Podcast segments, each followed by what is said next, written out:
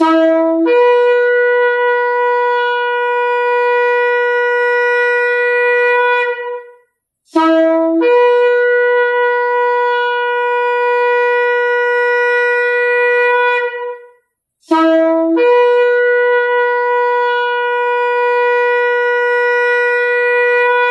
Sahabat RPK di mana pun Anda berada, Shalom Beshem Yesua Hamasiah, salam sejahtera dalam nama Yesua Hamasiah, dalam nama Tuhan Yesus Kristus, Juru Selamat kita. Selamat mengikuti siaran Tekiah, telaah kata Ibrani Alkitabiah bersama Gembala Benyamin Obadiah, Ketua GKMI, Gereja Kehilat Misyanik Indonesia. Tekiah sendiri dalam bahasa Ibrani berarti suatu cara peniupan shofar seperti yang didengar tadi. Siaran telaah kata Ibrani Alkitabiah ini dimaksudkan untuk menggali kebenaran Alkitab dari bahasa dan masyarakat Ibrani yang menjadi persemayan tumbuhnya iman Kristiani kita yang berasal dari tanah perjanjian Israel di Timur Tengah. Saudara dapat mengajukan pertanyaan ke 0812 9912 untuk mendapatkan jawaban dari perspektif misianik. Shalom Pak Ben. Shalom Ibu Ira, Shalom sahabat RPK di mana pun Anda berada. Hari ini kita akan membahas kata Hayom Yulat Lahem Moshia. Dalam bahasa Ibrani dieja He Yud Faf Mem dibaca Hayom, Yud Lamet Dalet dibaca Yulat, Lamet Haf Mem dibaca Lahem, Mem Faf Sin Yud Ayin dibaca Moshia. Hayom Yulat Lahem Moshia. Hari ini lahir bagimu juru selamat. Lukas 2 ayat 11. Hari ini telah lahir bagimu juru selamat Moshia, yaitu Kristus Hamasyah, Tuan Haadon di kota David. Ayat tentang kelahiran Mesias ini hanya mengatakan hari ini tanpa tanggal dan bulan. Silakan ulasannya, Pak. Ya, ayat ini dalam Injil berbahasa Ibrani dibaca Ki hayom yulat lahem mosia aher nu hamasia haadon beir David. Hari ini telah lahir bagimu juru selamat yaitu Sang Mesias, Sang Junjungan, Tuan di kota David. Jelas sekali kabar dari malaikat kepada para gembala di padang pengembalaan Efrata Bethlehem Israel menyatakan bahwa yang lahir itu adalah Mosiah, juru selamat, dan Masiah yang diurapi. Ini dua istilah yang menunjuk dua fungsi yang berbeda. Mosiah itu juru selamat dan Masiah itu yang diurapi. Keduanya diemban oleh Yesua, anak yang baru lahir itu. Banyak aspek dari kelahiran Yesua Hamasiah, sang Mosiah. Tetapi kali ini kita akan melihat kata pertama, hayom, yang tidak menjelaskan tanggal berapa dan bulan apa. Malaikat hanya mengatakan kelahiran itu sudah terjadi. Tetapi apakah ini berarti kita tidak dapat mengetahui perkiraan kelahiran Yesua sang juru selamat? Bukankah umumnya masyarakat Yahudi tidak memberi perhatian pada hari kelahiran? Tentu dapat. Namun tanggalnya harus digali dengan melihat data sejarah dari masyarakat Yahudi karena kelahirannya terjadi di lingkungan masyarakat Yahudi abad pertama. Masyarakat Yahudi lebih menekankan hari wafat daripada hari kelahiran. Namun tidak berarti tidak mencatat hari kelahiran seperti orang Indonesia zaman dulu di kampung-kampung. Mose misalnya hari wafatnya tidak tertulis dalam Torah tetapi dalam Talmud tercatat bahwa ia wafat pada 7 Adar tahun 2488 Ibrani. Rosh Hashanah 11a. Dan karena usianya tertulis 120 tahun dalam Torah, maka ini berarti hari kelahirannya juga terjadi pada hari yang sama dengan hari kematiannya, yaitu 7 Adar. Dengan demikian, setiap tanggal 7 Adar, orang Yahudi mengingat kelahiran Mose, sekaligus kematiannya. Tidak mudah mencari data yang bersumber pada masyarakat Yahudi seperti itu. Ini masalahnya. Data yang kita miliki adalah klaim masyarakat Yunani Romawi tentang dugaan atau hipotesis kelahiran Mesias yang ditetapkan di antara abad 2 sampai abad 4. Benar sekali. Tetapi bagaimana kita mulai agar mendapat pemahaman yang tepat? Tadi sudah saya sampaikan, Yesua lahir di tengah masyarakat Yahudi di kota David, Bethlehem. Jadi kita harus memilah klaim tanggal kelahiran Yesus, Yesua, mana yang dari sumber masyarakat Ibrani dan mana yang dari sumber masyarakat Yunani Romawi dan lainnya. Pengelompokan sumber data ini dapat membantu kita meletakkan klaim masing-masing pada posisinya. Ada beberapa dugaan tanggal kelahiran Yesua atau Yesus. Ada yang klaim 25 Desember, ada yang klaim 7 Januari, dan ada klaim bersamaan dengan Hari Raya Sukot bulan Oktober. Ya benar, ini menarik untuk dibahas dari perspektif sejarah, bukan dogma. Pertama, tanggal 25 Desember. Di lingkungan pemimpin-pemimpin gereja barat abad 2 sampai dengan 5 yang dijuluki oleh dijuluki bapak-bapak gereja, Tertullianus adalah pemimpin Kristen non-Yahudi yang pertama yang memakai tanggal 25 Desember sebagai tanggal kelahiran Yesus. Tertullianus tinggal di Kartage, Tunisia. Ia menetapkan kematian Yesus pada 25 Maret 14 Nisan dan sekaligus juga sebagai hari Yesus mulai dikandung dalam rahim Maria, ibunya. Hari ini kemudian ditetapkan sebagai hari pemberitaan kelahiran Yesus atau Annunciation Day, yaitu ketika malaikat memberitahukan Maria di desa Nazaret bahwa ia akan mengandung seorang anak laki-laki dan menamainya Yesua, Yesus. Lukas 1 ayat 31. Nah, kalau ia mulai dikandung tanggal 25 Maret, maka tambahkan saja 9 bulan, maka hari kelahirannya menjadi 25 Desember. Apakah ada data sejarah? Tidak ada. Ini adalah klaim. Apa yang menjadi dasar bagi Tertullianus membuat klaim seperti itu? Ia memakai asumsi yang dia pinjam dari masyarakat Yahudi, lalu memodifikasinya secara sepihak. Salah satu tradisi Yahudi meyakini bahwa sadik, yaitu orang benar, akan hidup berumur penuh. Hari kematian sama dengan hari kelahiran. Sebagai contoh, diajukan kehidupan Mose yang wafat pada usia genap 120 tahun sehingga hari kematian dan hari kelahirannya sama, yaitu tanggal 7 Adar seperti yang tadi sudah dijelaskan. Contoh lain, Rabbi Simon Bar Yohai yang diyakini menerima kitab Sohar, dilahirkan dan wafat pada tanggal hitungan Omer ke-33 yang disebut Lakba Omer. Apa yang dimodifikasi Tertullianus? Modifikasi Tertullianus terhadap tradisi Yahudi, hari kematian Yesua bukan disamakan dengan hari kelahirannya, tetapi hari kematiannya disamakan dengan hari ia mulai dikandung dalam rahim ibunya. Dan ia mulai dikandung saat Maria menerima berita dari Gabriel. Apakah asumsi ini diterima orang Yahudi? Tidak. Tertullianus hanya mengubahnya untuk menetapkan hari kelahiran Yesus menurut versinya sendiri. Irenaeus, uskup Lugdunum Lyon, Prancis, termasuk yang pertama menetapkan tanggal 25 Desember.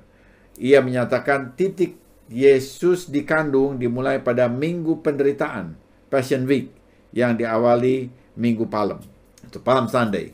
Ini pun modifikasi tradisi Yahudi. Dia menetapkan tanggal 25 Maret sebagai titik awal. Apa dasarnya? Tidak diketahui. Tanggal tersebut, yaitu 25 Maret, ditambah 9 bulan, maka Yesus dianggap lahir 25 Desember. Perhatikan asumsinya berbeda, tetapi titik tolaknya tetap memakai tanggal 25 Maret yang sama, sehingga hasilnya juga akhirnya sama. Kita lihat data dari Gereja Ortodoks Timur sebagai berikut. Mar Theophilus di Kaisaria merayakan Natal pada 25 Desember 160 Masehi.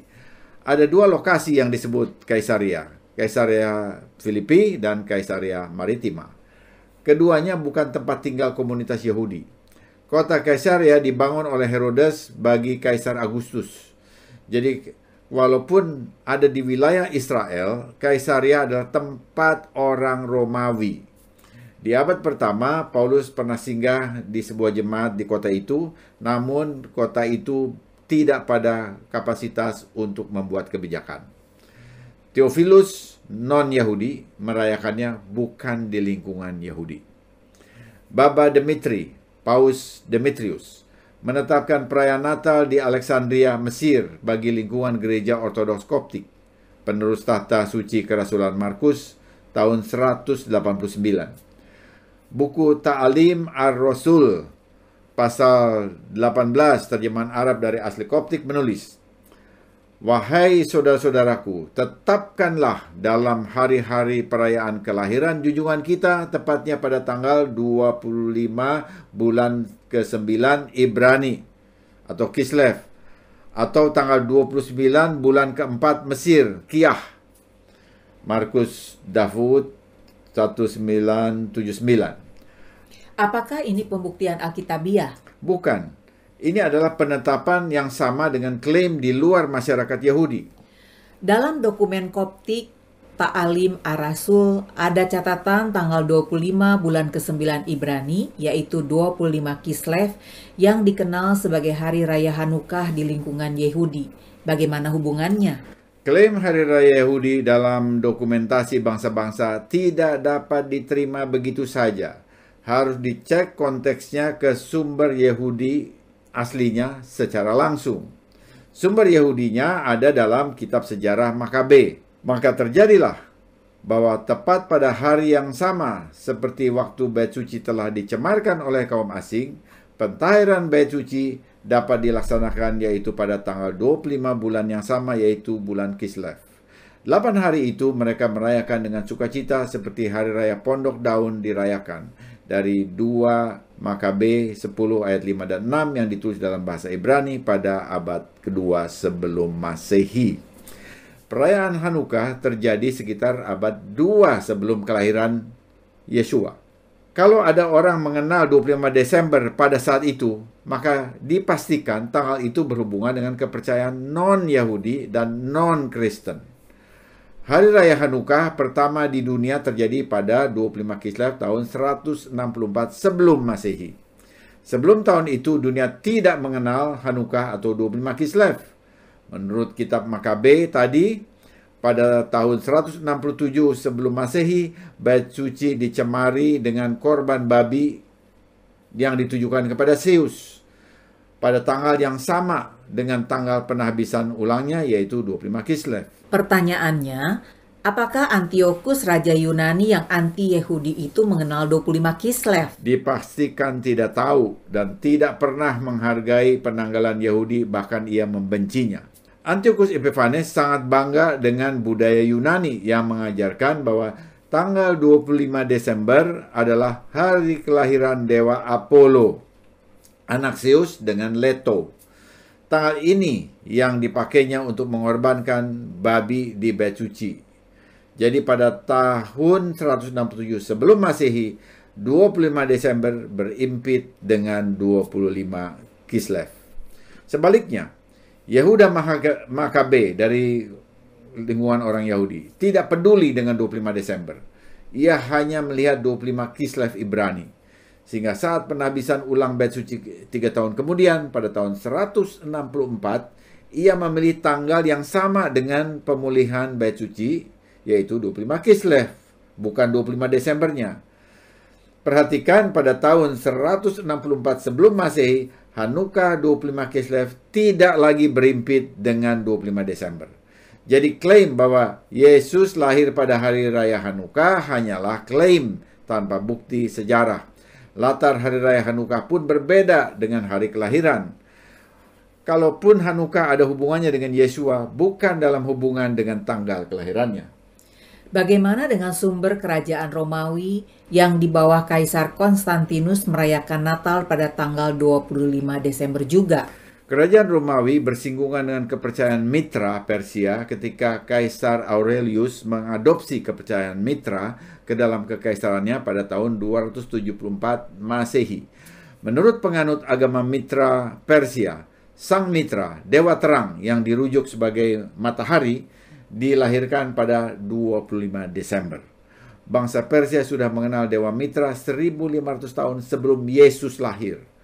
Kaisar Aurelius merayakan Sol Invictus, matahari yang tak terkalahkan, dewa matahari pada tanggal 25 Desember tahun 274 Masehi untuk menandai mulainya agama mitra Romawi di Eropa. Kemudian ketika Kaisar Konstantinus menyatakan Kristen sebagai agama negara Romawi, ia menetapkan hari Minggu, Dies Solis, hari matahari sebagai pengganti hari Syabat pada tanggal 7 Maret tahun 321. Selanjutnya, Kaisar Konstantinus menetapkan tanggal 25 Desember tahun 336 sebagai Christmas, Misa Kristus, kelahiran Yesus bagi seluruh kekaisaran Romawi. Dan ini diteruskan ke seluruh dunia oleh para misionaris dan jaringan gereja sampai sekarang. Namun semuanya ini ditetapkan, bukan bukti sejarah berbentuk klaim yang melibatkan kekuasaan dan berada di luar masyarakat Yahudi percaya. Kita sudah memeriksa data klaim tanggal kelahiran di lingkungan bangsa-bangsa non-Yahudi. Apakah kita mempunyai data kelahiran dari masyarakat Yahudi, khususnya yang percaya Yesua Hamasiah? Ada dokumen yang beredar di lingkungan Yahudi yang berasal dari abad 2, namun merujuk kebiasaan komunitas Yahudi murid-murid Yesua, Hamasiah di abad pertama yang disebut Agatha de Simon Kefa. Dokumen ini ditulis oleh orang Yahudi yang tidak percaya Yesus sebagai Mesias dengan tujuan untuk menangkal praktik murid-murid Yahudi Yesua sejak abad pertama agar tidak diikuti oleh orang Yahudi lainnya yang dikhawatirkan akan terpengaruh oleh murid-murid Yesua. Kutipan dari dokumen itu kalian tidak akan merayakan hari raya roti tak beragi, tapi merayakan kematiannya. Dan pada perayaan Syafut, merayakan 40 hari dari penyalibannya sampai sesudah kenaikannya ke angkasa. Dan pada hari raya Sukot, kalian akan merayakan kelahirannya, dan 8 hari dari kelahirannya, kalian merayakan penyunatannya. Sumber Agatha de Simon Kefa. Bagaimana penjelasannya? Murid-murid Yahudi Yeshua merayakan semua hari raya yang diperintahkan dalam Torah seperti Pesak, Roti Tak Beragi, Syafuot, Pentakosta yang merupakan 50 hari penghitungan Omer dan juga Sukot yang dirayakan 8 hari. Namun ada bedanya dengan teman-teman Yahudi yang belum percaya. Murid-murid Yesua menambahkan aspek mesianik yang terkait Yesua ke dalam hari-hari raya Yahudi yang mereka rayakan. Ketika mereka merayakan hari raya roti tak beragi dan memakan jamuan seder Pesak, mereka melakukannya dengan mengingat kematian Yesua dalam kiasan anak domba Pesak. Ketika mereka merayakan 50 hari hitungan Omer sampai hari raya Syafuot, Pentakosta, saat sampai pada hitungan ke-40, mereka mengingat bahwa kenaikan Yesua ke surga.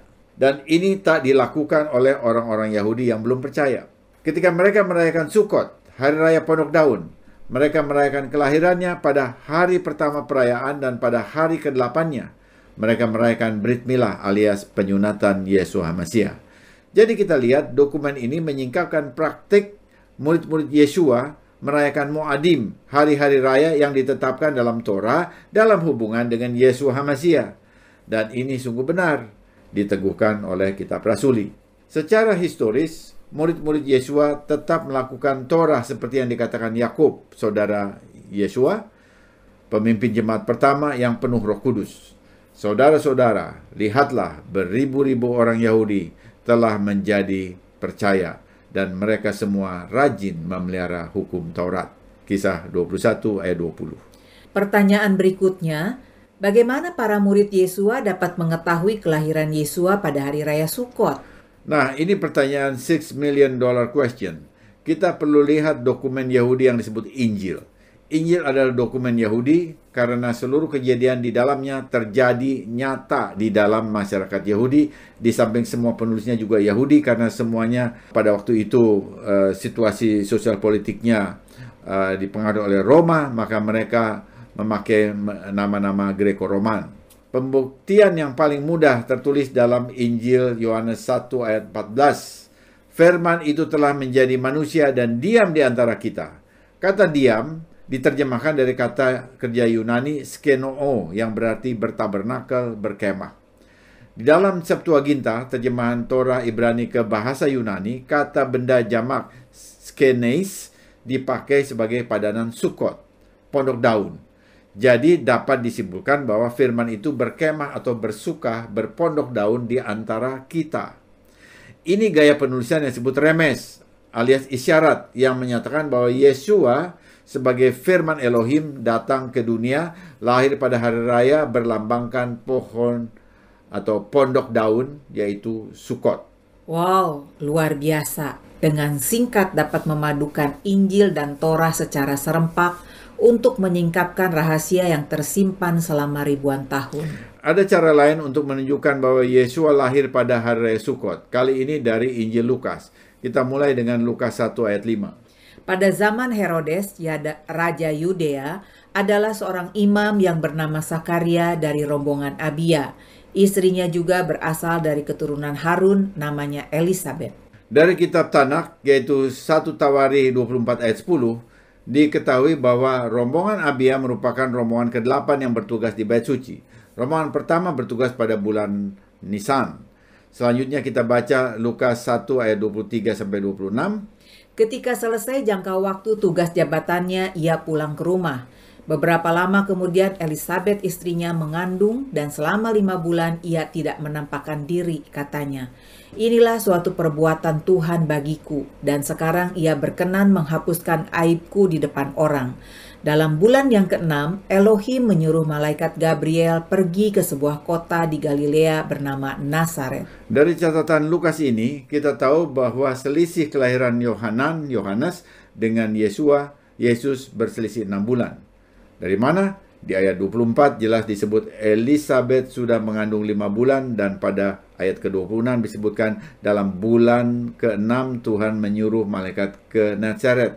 Bulan ke-6 merujuk usia kandungan Elizabeth. Ada yang berpendapat bulan ke-6 itu adalah bulan ke-6 dalam kalender Yeh Yehudi itu dihitung dari Rosh Hashanah yang jatuh pada September Oktober. Bagaimana? Sudah lama saya dengar dalam kalender Ibrani, bulan ke-6 itu bulan Elul, dihitung dari bulan pertama Nisan, sesudah Israel keluar dari Mesir. Rosh Hashanah itu jatuh pada tanggal 1 Tisri bulan ke-7.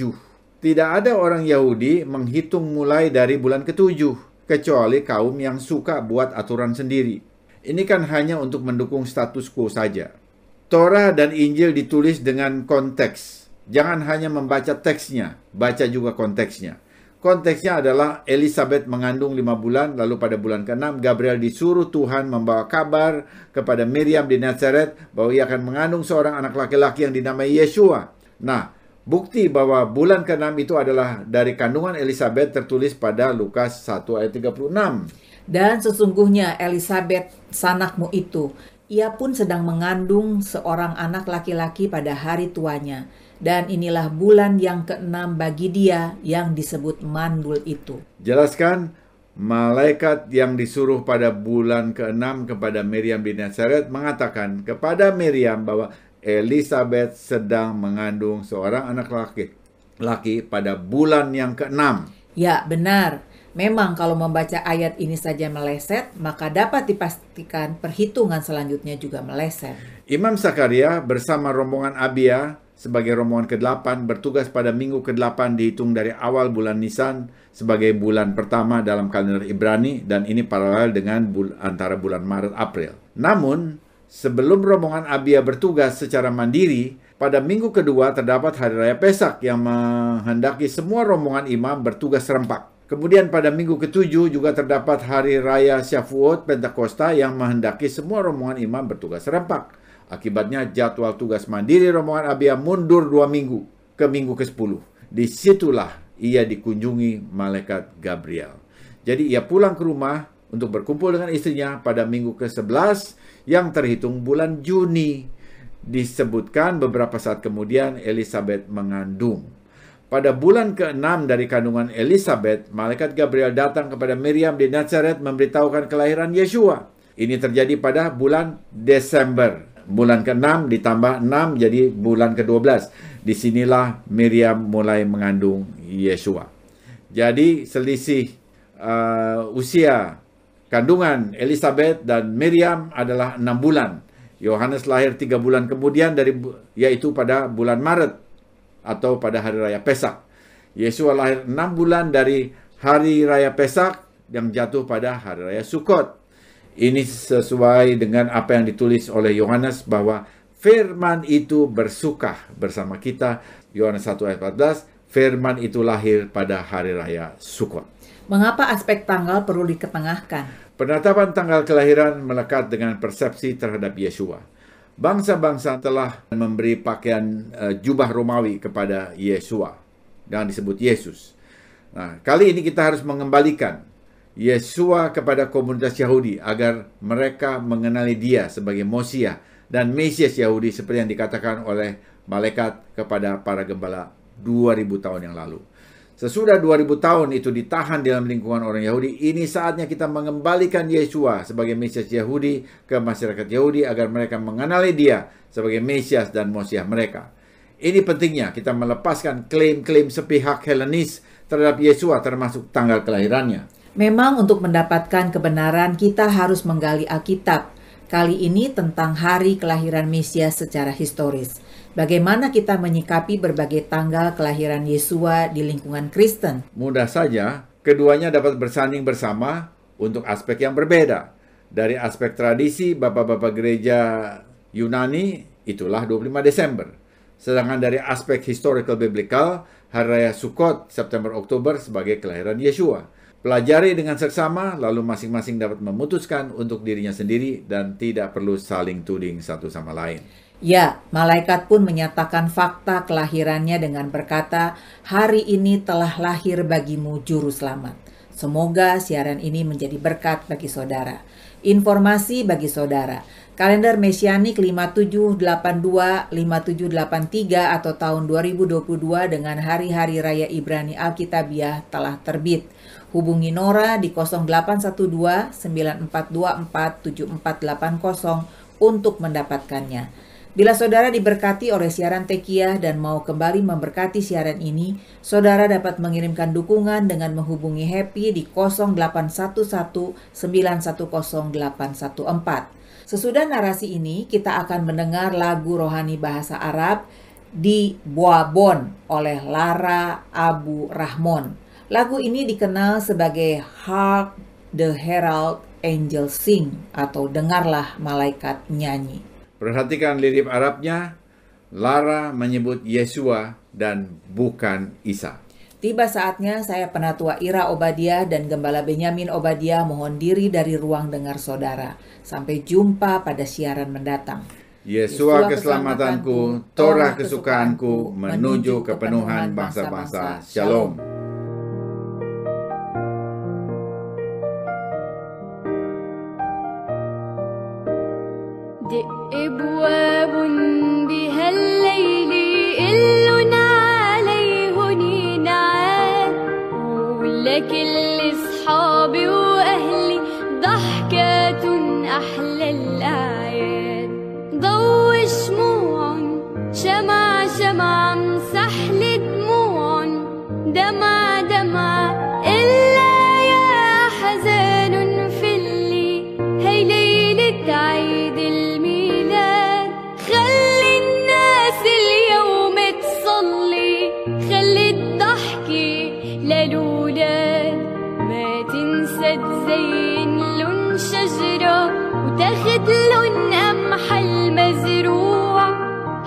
عطر مغارة للعطرة وقبل الكل مزود يسوع.